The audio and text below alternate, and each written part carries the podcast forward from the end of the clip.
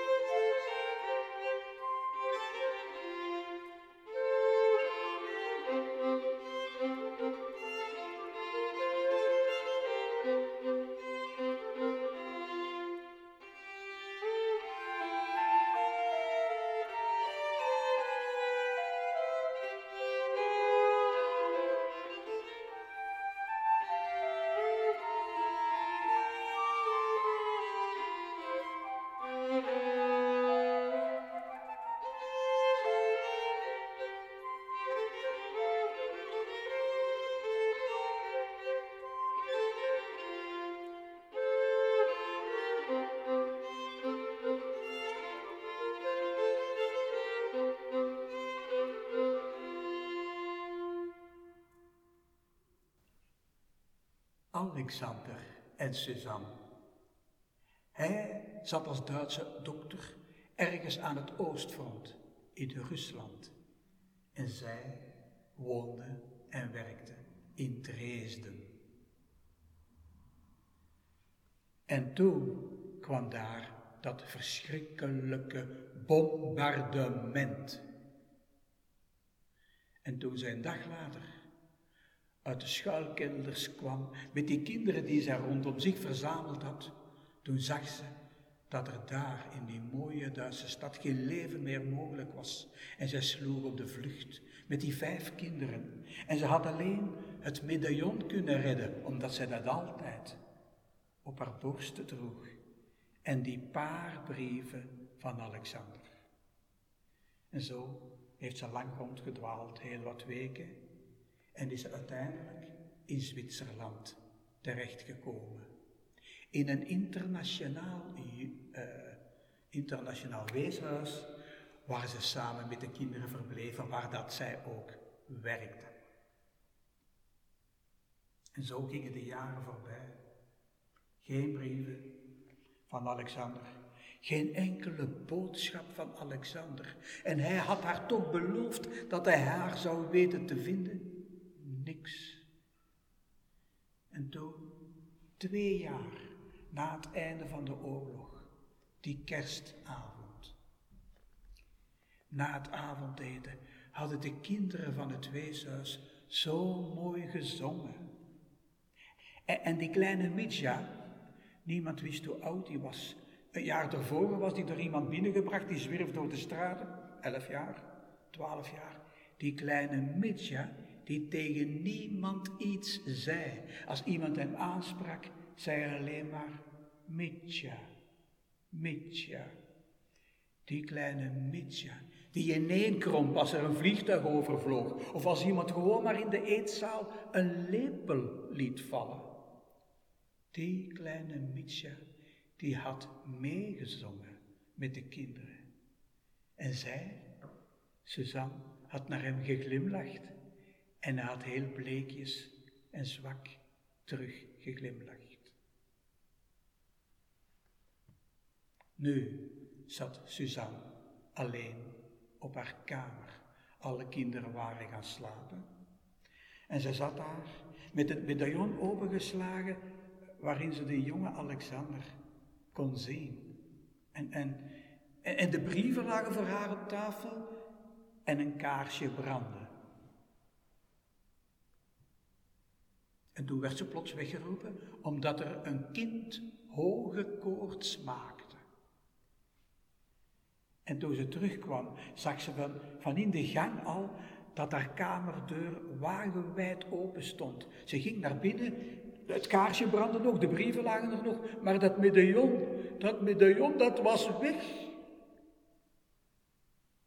Vertwijfeld ging ze in de zetel zitten en probeerde haar ademhaling onder controle te krijgen. Dat medaillon, dat lieflijke kleinood van haar Alexander. En toen hoorde ze gemorrel aan de deur. En ze ging naar de deur, deed open en daar stond Mitja, bevend over heel zijn lichaam, lijkbleek en met één vuist, dicht, alsof hij haar wou slaan. En zij trok de jongen dichter bij haar. Bij haar nam ze dicht bij hem. En toen vertelde hij het. Hij had haar een goede dag willen wensen. En, en toen deed hij zijn vuist open. En daar lag het medaillon. Dat medaillon, dat medaillon, dat is van mij. Die foto van oom Alex moet van mij zijn. Mag niet van jou zijn, moet van mij zijn. Oom Alex, oom Alex. Suzanne begreep er niks van. En zachtjes deed ze zijn vuist terug dicht. Het was duidelijk, dat medaillon was van hem. En ze nam hem op haar schoot. En met horten en stoten kwam het hele verhaal eruit van die laatste uren van haar, Alexander van zijn oom Alex. Ja, de, de, de, Russische soldaten waren gekomen en die hadden het hospitaal op de heuvel overweldigd. En, en zuster Anastasia die was gesneuveld. En, en, en, toen hadden die soldaten heel het hospitaal doorzocht en die hadden wapens gevonden. En ze hadden die verantwoordelijke dokter tegen de muren gezet en doodgeschoten. Hij beefde en sidderde. Suzanne nam die kleine jongen bij hem en trok hem echt op haar schoot.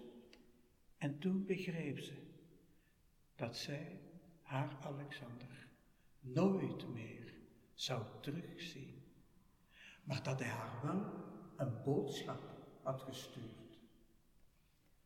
Zij, hij schonk haar een kind, een kind dat ze samen nooit hadden gehad.